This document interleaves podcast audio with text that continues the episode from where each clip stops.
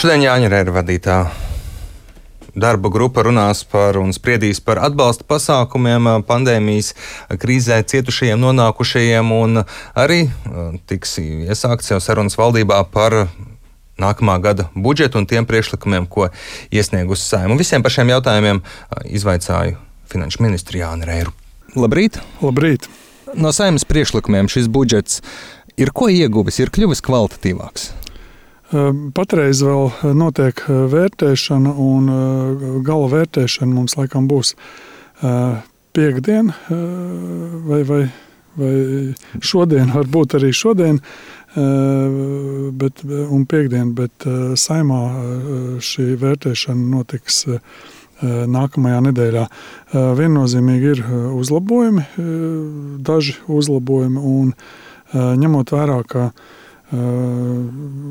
budžeta likums tiek pieņemts sadarbībā, 5 visu 5 politisko partiju, tad viennozīmīgi arī valdība ir iesaistīta šo piedāvājumu izskatīšanā, tāpēc mums ir arī informācija, varbūt apjoms pa katru nozaru lielāks un ir iespēja izvērtēt Jo dažreiz aiz labiem priekšlikumiem ir varbūt kādas fiskālas bedres vai fiskāla uh, problēma. Tā tad nozīmē, šīs izmaksas ir stipri lielākas uh, nekā mēs pat sākotnēji varam iedomāties. Es saprotu, ka koalīcijā ir paspēts apspriest apmēram pusi no visiem saimnes priekšlikumiem. Ir jau kaut kādi tādi priekšlikumi, kurus jūs skaidri redzat, ka jā, tie ir jāiekļauj budžetā un tie to uzlabo. Nu, mēs runājām jautājumu par onkoloģiju, par onkoloģiskām zālēm, par to programmu. Tātad saimnes deputāta priekšlikums palielinot akcijas tabakai šo papildus ieguldījumu novirzīt onkoloģisko slimību ārstēšanai, kas palielinās tātad šo programmu, kas ir vairākos desmit miljonos, palielinās par kaut vai nenozīmīgu, bet summu priekš šīs programmas. Nu, šis ir viens no tādiem priekšlikumiem. Bet mums arī bija vienošanās, jo gan saimnes pārstāvi piedalījās valdības un sadarbības sanāksmēs. Un tad šo budžetu mēs jau esam veidojuši kopā. Līdz ar to fiskāli ietekmīgi budžeta priekšlikumi nav no valdību veidojošām partijām, bet vairāk varbūt nu, uzlabot saturu. Mēs arī ar, ar Kultūras ministriju esam turpinājuši meklēt risinājumu par autoru atlīdzībām, par autoru atlīdzību šo iemaksu uzlabošanu. Jā, alternatīvie nodokļu režīmi, jūs pieminētās jau autora atlīdzības. Kas gal galā notiks ar tām nākamgad? Praktiski valsts ir izvēlējusies vienkāršot mūsu sistēmā septiņus vai deviņus, kā kurš skaita šos režīmus, un pāriet no, uz diviem pamatrežīmiem, kas ir vispārējā režīmā strādājušie, kas maksā visus sociālos iemaksas un pašnodarbināto režīms, kurš savukārt dalītos divās daļās, kur viena ir vienkārši darījuma konts un no apgrozījuma tiek noņemts nodoklis, un otra, ja ir iespēja pamatot izdevums, tad pamato izdevums un no pārējām summām ir gan iedzīvot ienākumu nodoklis, gan sociālās iemaksas. Mēs esam vienojušies nu, tātad ar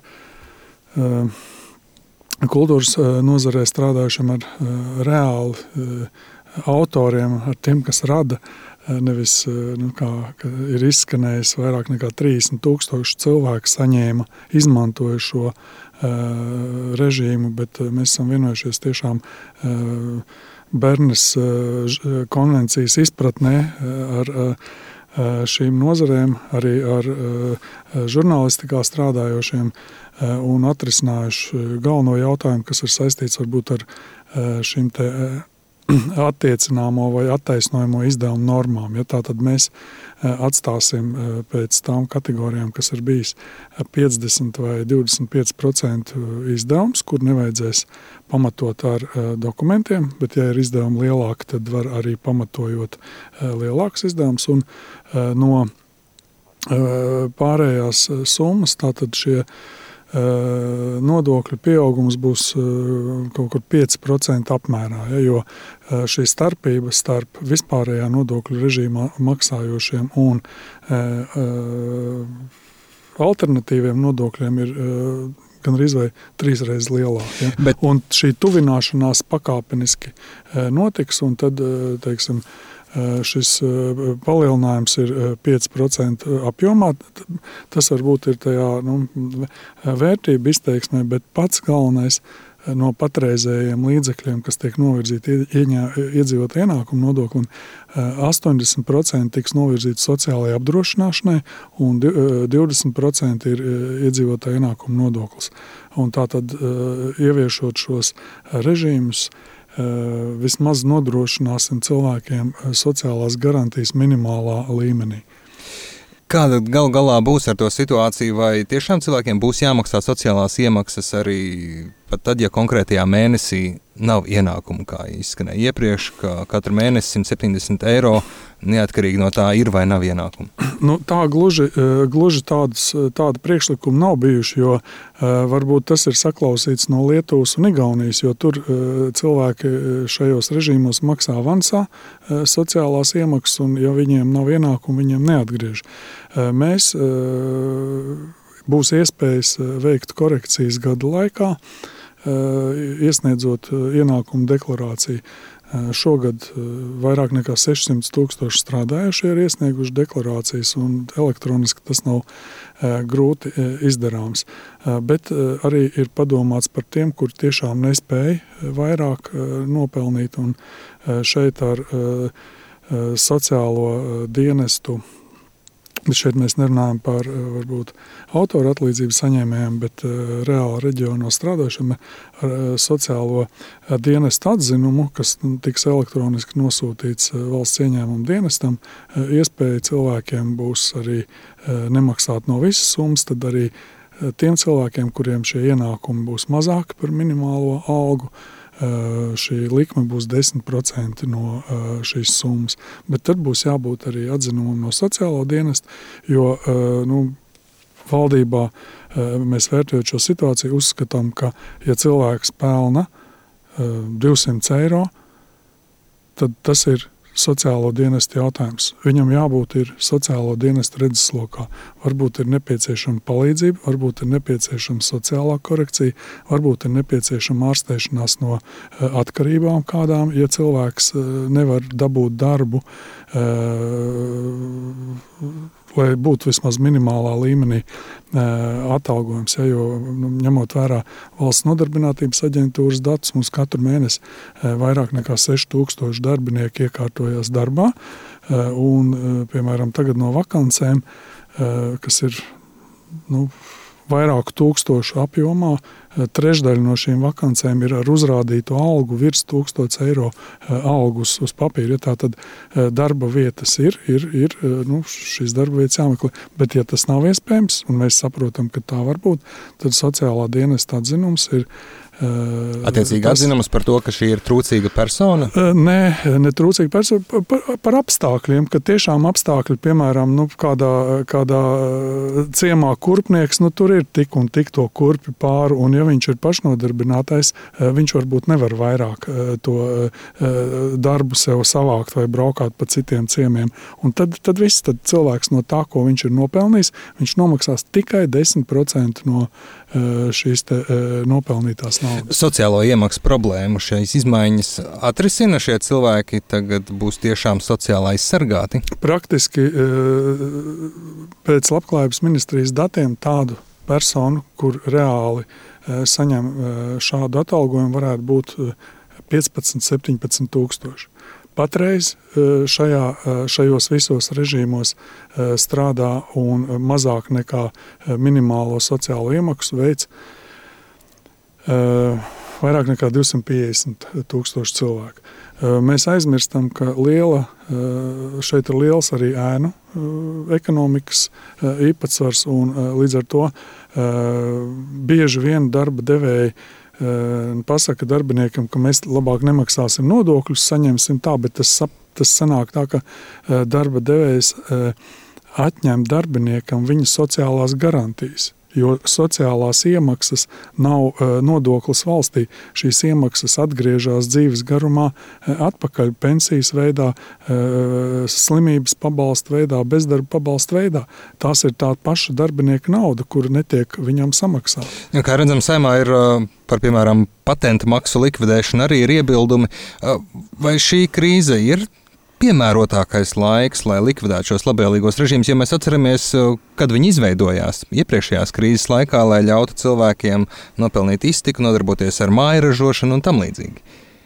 Nu, ja mēs ņemam uh, vērā, ka 90 uh, ir bijuši periodi, kad 90% piemēram, no mikro uzņēmumiem ir reģistrēti Rīgā, tad tas nozīmē, ka uh, tas nav sasniedzis savu mērķi nekad.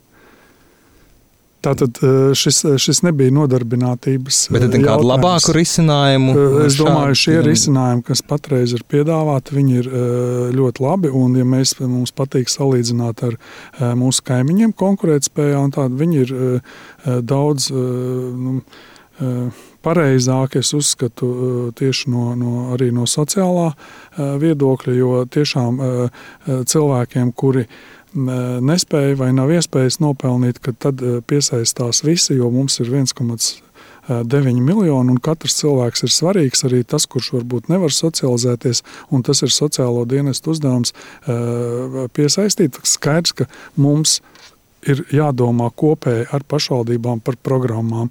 Ir jābūt, Bet respektīvi, nebūtu jābūt nodokļu politikas jautājumam. Nē, tā nav nodokļu politika. Un ir jābūt uh, resocializācijas pakalpojumiem vairāk. Ir veselības ministrijai pret, pret uh, atkarībām ārstēšanai jābūt paredzētiem vairāk līdzekļiem. Tā, tā ir jābūt skaidrs, ka tikai ar šo uh, nekas nepanāks. Ir jābūt šīm programmām. Runājot par, nāk... ar, ar šo. Runājot par nākamā gada budžetu līdz uh, saimā mm, viņš tiks apstiprināts galīgajā lasījumā no tā, ko jūs stāstījāt. Varētu vēl būt kādas uh, diskusijas, izmaiņas būtiskas runājot par nodokļu režīmiem?